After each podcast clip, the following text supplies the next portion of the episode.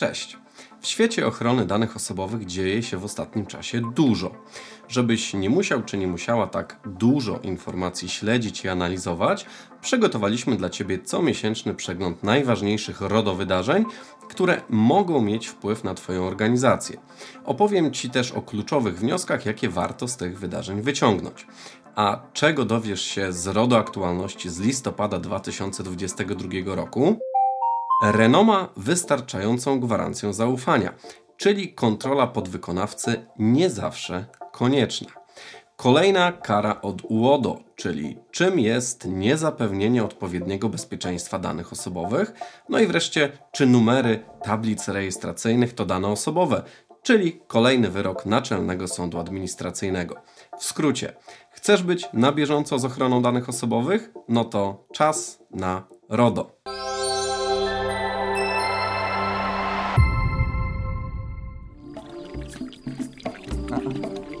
Zaufanie. Jak widzisz, taki poziom zaufania to całkiem przyjemna rzecz. No a czy podobnym zaufaniem możemy obdarzyć międzynarodowe korporacje i przy okazji jako firmy i urzędy ułatwić sobie trochę życie? Okazuje się, że tak. Już mówię Ci o co chodzi. W jednej z polskich szkół w czasie zdalnego nauczania korzystano z bardzo popularnego narzędzia, jakim jest Microsoft Teams. Umówmy się, chyba każdy rodzic, który przechodził przez pandemiczny tryb nauczania, zna to narzędzie doskonale. Cóż więc w tym niezwykłego? No to posłuchaj dalej, bo teraz robi się naprawdę ciekawie. Jednemu z rodziców to się nie spodobało, więc postanowił złożyć skargę do Urzędu Ochrony Danych Osobowych UODO. Na co ta skarga? Rodzicowi nie podobało się to, że dane ich niepełnoletniej córki są przetwarzane przez firmę Microsoft. Jeden z zarzutów dotyczył braku podstawy prawnej do powierzenia przetwarzania danych. Rodzice nie byli przekonani, czy szkoła w sposób odpowiedni przeprowadziła cały proces. Czy szkoła zawarła umowę powierzenia z Microsoftem i czy przeprowadziła wymaganą przez RODO weryfikację dostawcy, czyli znowu w tym wypadku Microsoftu.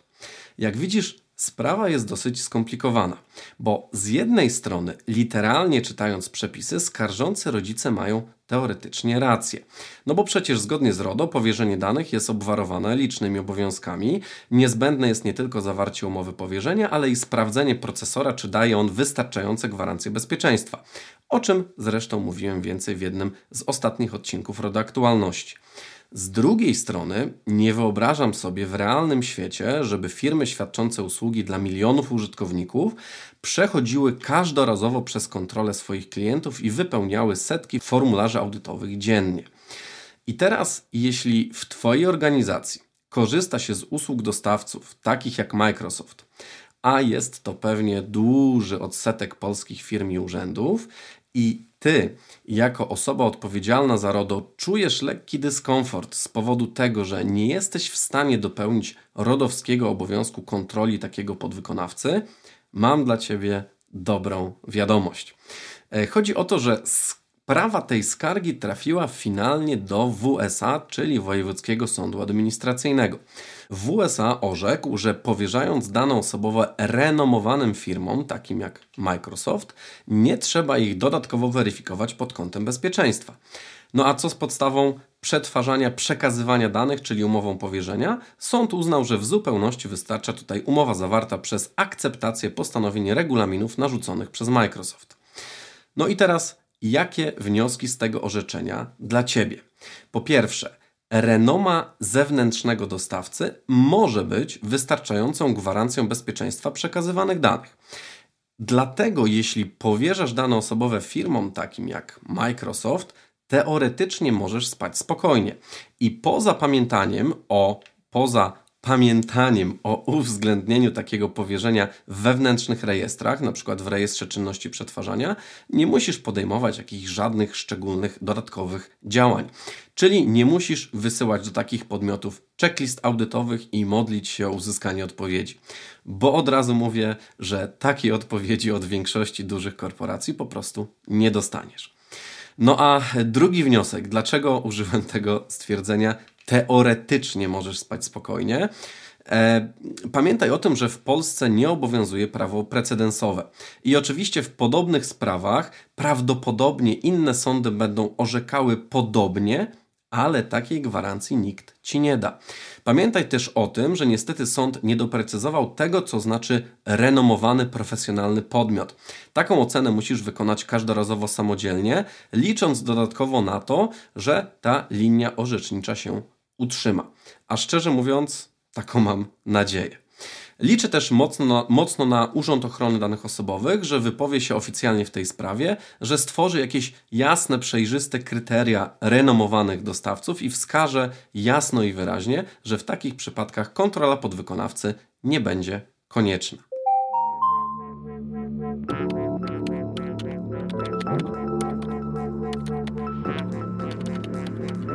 Przechodzimy do drugiego RODO-newsa.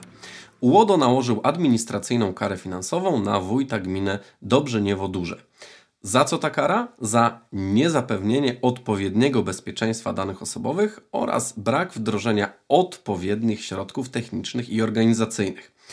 I teraz pewnie zastanawiasz się, czym są te, czym jest to odpowiednie bezpieczeństwo i jakie środki techniczne i organizacyjne powinieneś czy powinnaś wdrożyć w swojej organizacji, żeby nie narazić się na karę od UODO. No to prześledźmy po kolei historię tej kary i wyciągnijmy z niej wnioski. Gmina zgłosiła do UODO naruszenie ochrony danych osobowych. Na czym polegało? Można powiedzieć klasyk. Jednemu z pracowników skradziono służbowy komputer oczywiście zawierający dane osobowe. Smaczku całej sprawie dodaje fakt, że komputer skradziono z mieszkania prywatnego pracownika. No a w jaki sposób pracodawca może zabezpieczyć służbowy sprzęt przechowywany poza swoją siedzibą? Już mówię. Po pierwsze, administrator powinien opracować odpowiednie procedury i polityki dotyczące bezpiecznego przetwarzania danych, szczególnie poza swoją siedzibą. To gmina akurat zrobiła. Po drugie, administrator powinien przeprowadzić analizę ryzyka, na podstawie której dobrałby odpowiednie zabezpieczenia. I co ciekawe, gmina to też zrobiła. Natomiast to, czego gmina nie zrobiła, to uwaga, zastosowanie wniosków płynących z tej analizy ryzyka. Bo co ciekawe, w wykonanej ocenie jako jedno z zagrożeń wskazano właśnie kradzież sprzętu komputerowego wykorzystywanego do przetwarzania danych osobowych. Jeszcze ciekawsze jest to, że w analizie ryzyka wskazano wyraźnie, że to ryzyko jest nieakceptowalne i jako sposób ograniczenia tego ryzyka wskazano konkretne zabezpieczenia, m.in. szyfrowanie dysków twardych laptopów. Problem w tym, że to zabezpieczenie nie zostało przez gminę wdrożone. Jakie są najważniejsze wnioski z tego naruszenia dla Ciebie i dla Twojej organizacji? Po pierwsze, porządek w procedurach RODO jest ważny i warto go mieć, ale co najmniej tak samo ważne są konkretne zabezpieczenia fizyczne i techniczne, jakie wdrożysz. Zwłaszcza jeśli potrafią ograniczyć ryzyko wycieku danych niemal do zera, a ich koszt wdrożenia to dokładnie 0 zł, bo Tyle dokładnie kosztuje oprogramowanie służące do szyfrowania dysków. Po drugie, jeśli jeszcze nie wykonałeś czy nie wykonałaś oceny ryzyka w swojej organizacji, koniecznie nadrób zaległości. To jedna z pierwszych rzeczy, jakie będzie sprawdzał UODO w czasie kontroli. No i tak abstrahując od kontroli UODO, gwarantuję Ci, że e, sensownie wykonana ocena ryzyka potrafi zlokalizować masę obszarów, w których Twoje zabezpieczenia nie są wystarczające. Oczywiście pamiętaj też o tym, żeby wdrażać zalecenia płynące z takiej oceny. No a co jeśli nie wiesz, jak się za taką ocenę ryzyka zabrać? Chętnie pomożemy. Zapraszam Cię na naszego bloga, gdzie znajdziesz trzyczęściową serię artykułów pod tytułem Ocena ryzyka w RODO jak się za to zabrać. Link do artykułu znajdziesz na dole w opisie odcinka. A jeśli potrzebujesz bardziej bezpośredniego wsparcia, to też chętnie pomożemy. Zareklamuję Ci kilka takich możliwości. Po pierwsze, możesz skorzystać z naszego systemu do zarządzania ochroną danych osobowych SODO. Nasz system ma wbudowany cały moduł do zarządzania ryzykiem. Po drugie, możesz skorzystać z naszej instrukcji i gotowej matrycy do wykonywania oceny ryzyka. Znajdziesz ją w naszym blogowym sklepie. Po trzecie, wreszcie, możesz skorzystać z konsultacji z naszymi ekspertami. Konsultacje możemy przeprowadzić na dowolny temat związany z ochroną danych osobowych, w tym oczywiście na temat oceny ryzyka. Po reklamie.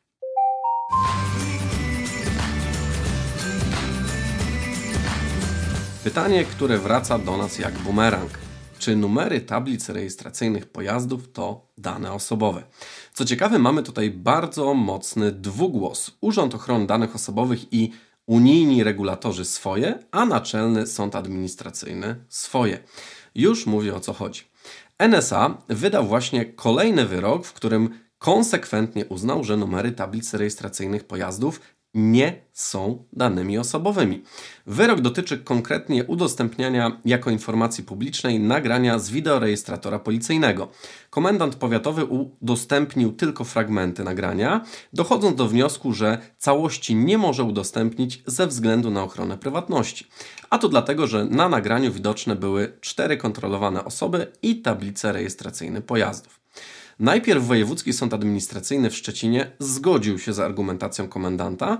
Sąd uznał, że dysponując numerem rejestracyjnym, marką i kolorem pojazdu, można ustalić dane osobowe właściciela pojazdu. Co na to NSA? NSA nie zgodził się z tym poglądem. Co ważne, po tym kolejnym już orzeczeniu NSA możemy mówić o konsekwentnej linii orzeczniczej, według której uznaje się, że numery tablic rejestracyjnych, przynajmniej w większości przypadków, nie zawierają danych osobowych i nie podlegają ochronie ze względu na prywatność. Taka teza nie tylko po raz trzeci pojawiła się w wyroku NSA, ale można ją znaleźć też w orzecznictwie sądów cywilnych. Co ciekawe, pogląd NSA jest odmienny od podejścia większości, jeżeli nie wszystkich organów ochrony danych osobowych w Unii Europejskiej. Ba, organy uznają za dane osobowe nie tylko numery tablic rejestracyjnych, ale też numery win pojazdów. Na tym samym stanowisku od lat stoi też nasz polski UODO. Urząd uznaje, że numery rejestracyjne, którymi właściciele dysponują przez cały czas posiadania pojazdu, mogą pozwolić na identyfikację konkretnych osób, nie tylko odpowiednim organom, ale też zwykłym osobom fizycznym. No dobrze, co zrobić? Jak żyć? Jaki wniosek z tego wyroku dla Ciebie? Pamiętaj, że niestety albo na szczęście RODO nie zawsze jest zero-jedynkowe. Jest całkiem dużo sytuacji, w których mamy dwa przeciwstawne stanowiska, za którymi przemawiają konkretne, zdroworozsądkowe i prawne argumenty. Co więcej, często te sprzeczne stanowiska są uwiarygadniane majestatami różnych instytucji i urzędów. W tego typu przypadkach to, co możesz zrobić, to po prostu liczyć się z ryzykiem tego, że nie znajdziesz idealnego rozwiązania. I albo zadziałasz bardziej probiznesowo, stosując się w tym wypadku do e, argumentacji NSA i równocześnie narazisz się UODO, albo zadziałasz bardziej zachowawczo i zastosujesz przepisy RODO bardziej restrykcyjnie. Licząc się z tym, że może ucierpieć na tym Twój biznes, a finalnie Twoja argumentacja może nie wybronić się przed sądem. Niezależnie od tego, jaką opcję wybierzesz, zawsze przygotuj na nią odpowiednią podkładkę, czyli jakąś analizę prawną, w której logicznie uargumentujesz swoją decyzję. Podsumowując, po pierwsze, renoma może być wystarczającą gwarancją zaufania przy powierzeniu danych osobowych zewnętrznym podwykonawcom. Jeżeli nie masz możliwości kontrolowania procesora, a ten procesor ma ugruntowaną na rynku wieloletnią renomę, wystarczy, że opiszesz to powierzenie w odpowiednim rejestrze i zaakceptujesz zgodny z RODO regulamin usługi. Po drugie, jeżeli jeszcze nie wykonałeś czy nie wykonałaś w swojej organizacji oceny ryzyka, zrób to jak najszybciej. No i oczywiście nie zapomnij wdrożyć płynących z niej zaleceń. Po trzecie, RODO nie zawsze jest zero-jedynkowe. W niektórych sytuacjach ochrona danych osobowych to sztuka wyboru najbardziej skutecznego rozwiązania, które w razie czego będziemy potrafili odpowiednio uargumentować.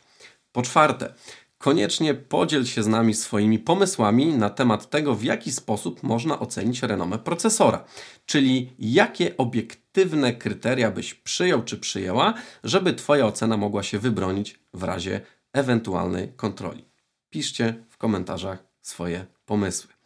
A po piąte, Po piąte, jeżeli chcesz być na bieżąco z naszymi RODO Newsami, zasubskrybuj nasz kanał.